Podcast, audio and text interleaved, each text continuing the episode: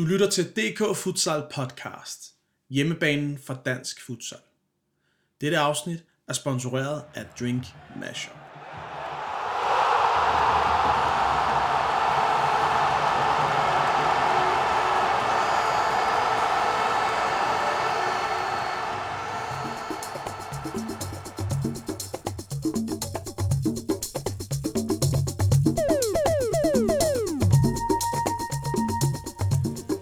Sidder her endnu en gang til vores øh, DK Futsal podcast. Og vi er i dag tilbage i Valbehallen, hvor vi har fået besøg af Claus fra Aalborg Futsal. Velkommen til. Tak. Claus nu her øh, til at starte med, for at, ligesom at finde ud af, hvem er du og hvem er Aalborg Futsal. Så er vi interesseret i jeres baggrund. Så normalt er jeg interesseret i, hvornår startede du med at være en del af Aalborg Futsal?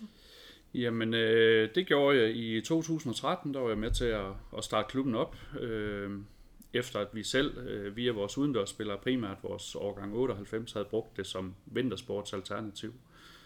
Så blev vi enige om, at her var en, en niche, som vi faktisk godt ville dyrke noget mere. Øh, og så startede vi klubben i 2013, hvor jeg blev formand og startede med at træne vores øh, daværende U17, tror jeg det var, som var med til, til DM, både som U17 og U19. Og det er så primært dem, vi har som stamme også nu.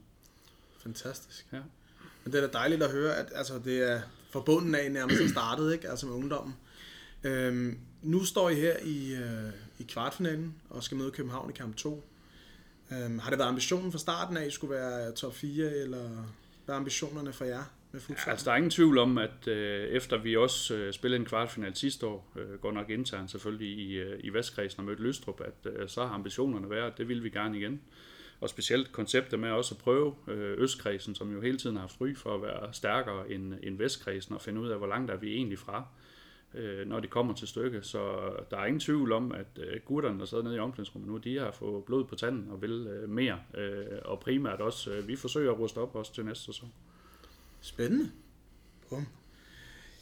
Så kommer det mest interessante, jo, fordi vi har jo alle sammen, uanset hvor vi er henne i det danske land, en eller anden signifikant, der, der fortæller lidt om os. Så det, som jeg vil høre, det er, hvad vil Aalborg Futsal godt være kendt for i Futsal Danmark? Jamen, øh, i vores øh, formålsparagraf, der har vi fra dag et haft det, at vi godt vil være med til at, at udvikle og, og præge øh, udviklingen i futsal i Danmark, og egentlig også få det bredt ud øh, i hele Nordjylland eksempelvis. Øh, og vi kan i hvert fald se, at flere og flere hold og ungdomshold i, i Nordjylland vælger futsalen til. Øh, og vi har også mange ungdomsspillere helt ned i u 7-rækken, så, så jeg synes, vi har, vi har godt tag i det.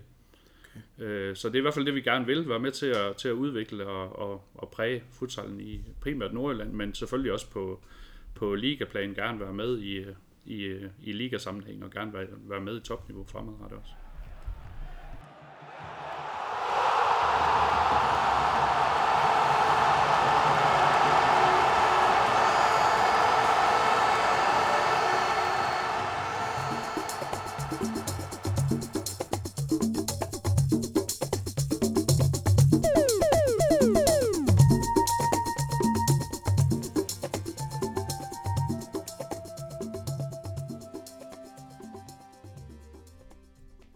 Er tilbage.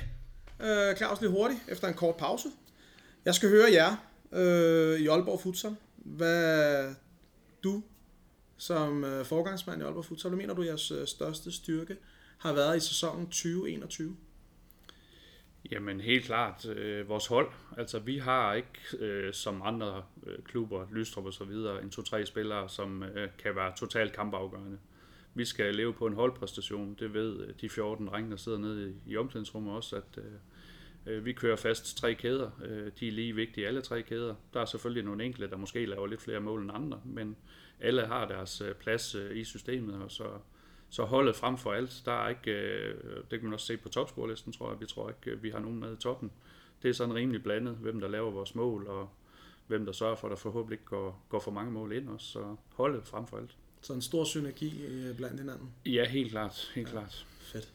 Og øh, så har vi en total homogen trup også. Altså, øh, vores keeper, der stod i går, er 17, ikke? Øh, ham, der kommer til at starte i dag, er 20. Øh, gennemsnitsalderen er under 22 år, så, så det er primært stammen fra øh, den gamle 98-årgang, som jeg har trænet i rigtig, rigtig mange år, som stadigvæk er, er dem, der er her, mm. med stor fremtid øh, foran sig ind i det her, fordi de, de vil gerne det her frem for uden Hvordan holder I fast på spillerne, øh, når man tænker på, nu kommer der også græs fodbold forhåbentlig i Danmark lige om lidt. Altså, hvordan holder I fast på jeres koncept med den homogene trup?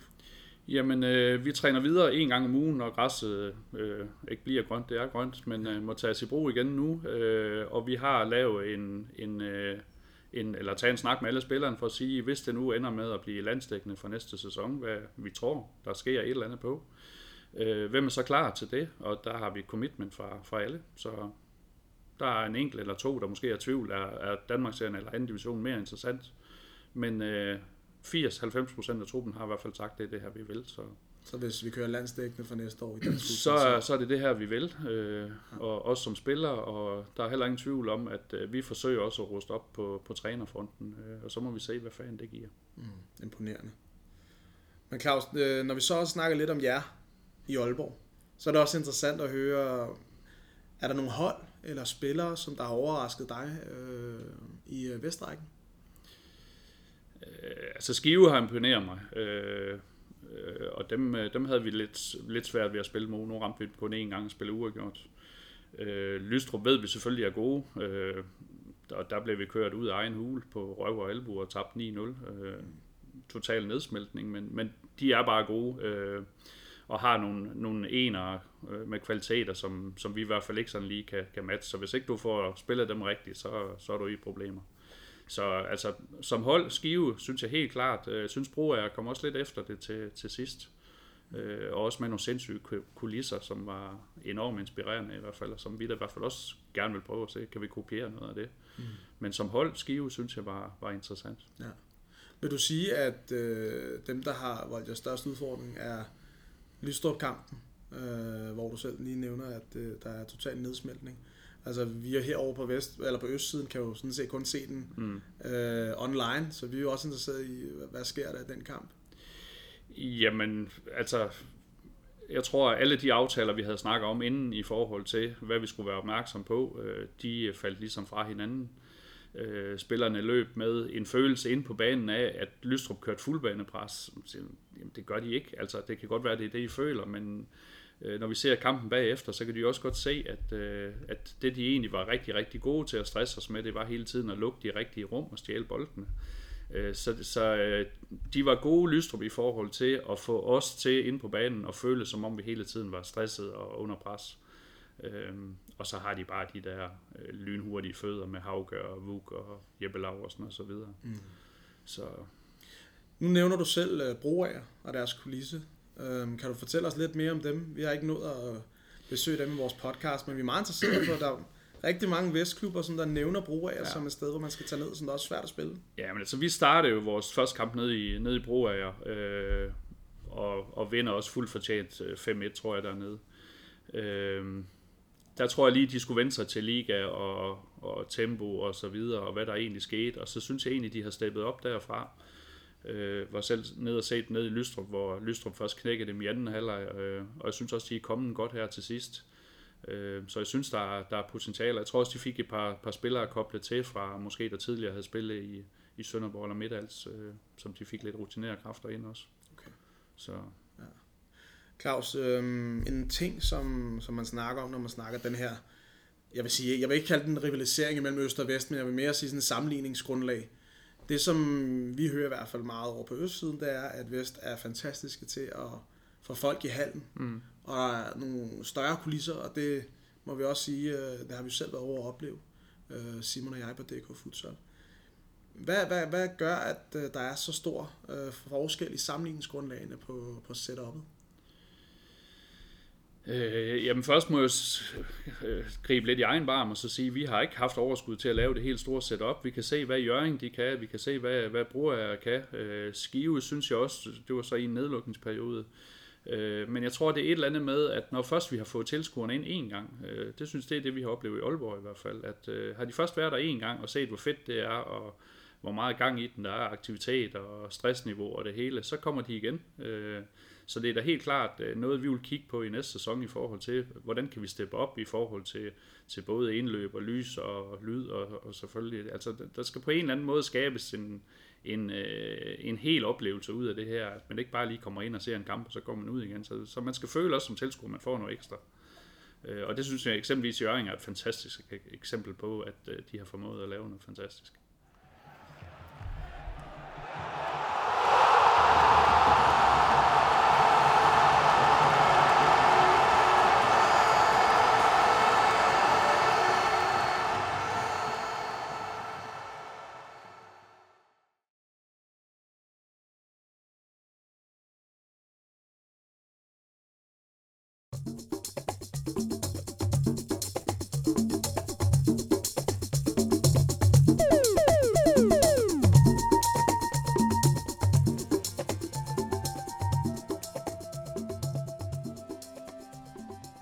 Jamen her til sidst, Claus, så har jeg tre spørgsmål til dig. Øhm, handler meget om, vi nu har vi hørt, hvordan at de ligesom har startet i Aalborg, hvordan du selv har mm. startet Aalborg op, og også lidt, hvordan du har set Vestligaen. Øh, og vi har sammenlignet lidt i forhold til tilskuere, som er meget interessant, hvordan at øh, Vestligaen får rigtig mange tilskuere ind. Så det, som vi ligesom mangler at få rundet af, det er nummer et. Hvor har I udviklet allermest i den her sæson i Aalborg Futsal Liga? Jamen, jeg tror, at vi har forsøgt at, at videreudvikle på øh, den sæson, vi havde sidste år, hvor vi var så heldige at få en spansk træner i, øh, i hatten, havde jeg sagt, der var oppe at studere, øh, som virkelig kunne sine øh, meritter inden for futsalen. Øh, han kunne sætte nogle ting op i forhold til både vores defensiv og vores offensiv. Det har vi prøvet at arbejde videre på. Øh, så har man også, øh, covid-19 har fået skylden for meget. Øh, det skal det også have, og det er også ærgerligt. Men det har faktisk også gjort, at vi, vi har haft nemmere ved at gennemføre træninger, fordi vi har ikke haft det her med, at udendørstræningen lige pludselig har trukken eller noget. Så vi har også haft andre muligheder for at lave et helt andet momentum. Øh, og så må jeg sige, sæsonen sidste år, hvor, hvor vi også røg kvartfinalen, nogle af de spillere, der tidligere har prioriteret udendørs lidt højere, de har altså fået mere smag på det her, efter de, de har prøvet det. Så altså succes avler bare mere succes, og, og man bliver mere og mere agerig, og det er også det, vi kan se ved, ved nogle af spillerne, ikke? at øh, de vil det her mere og mere og mere.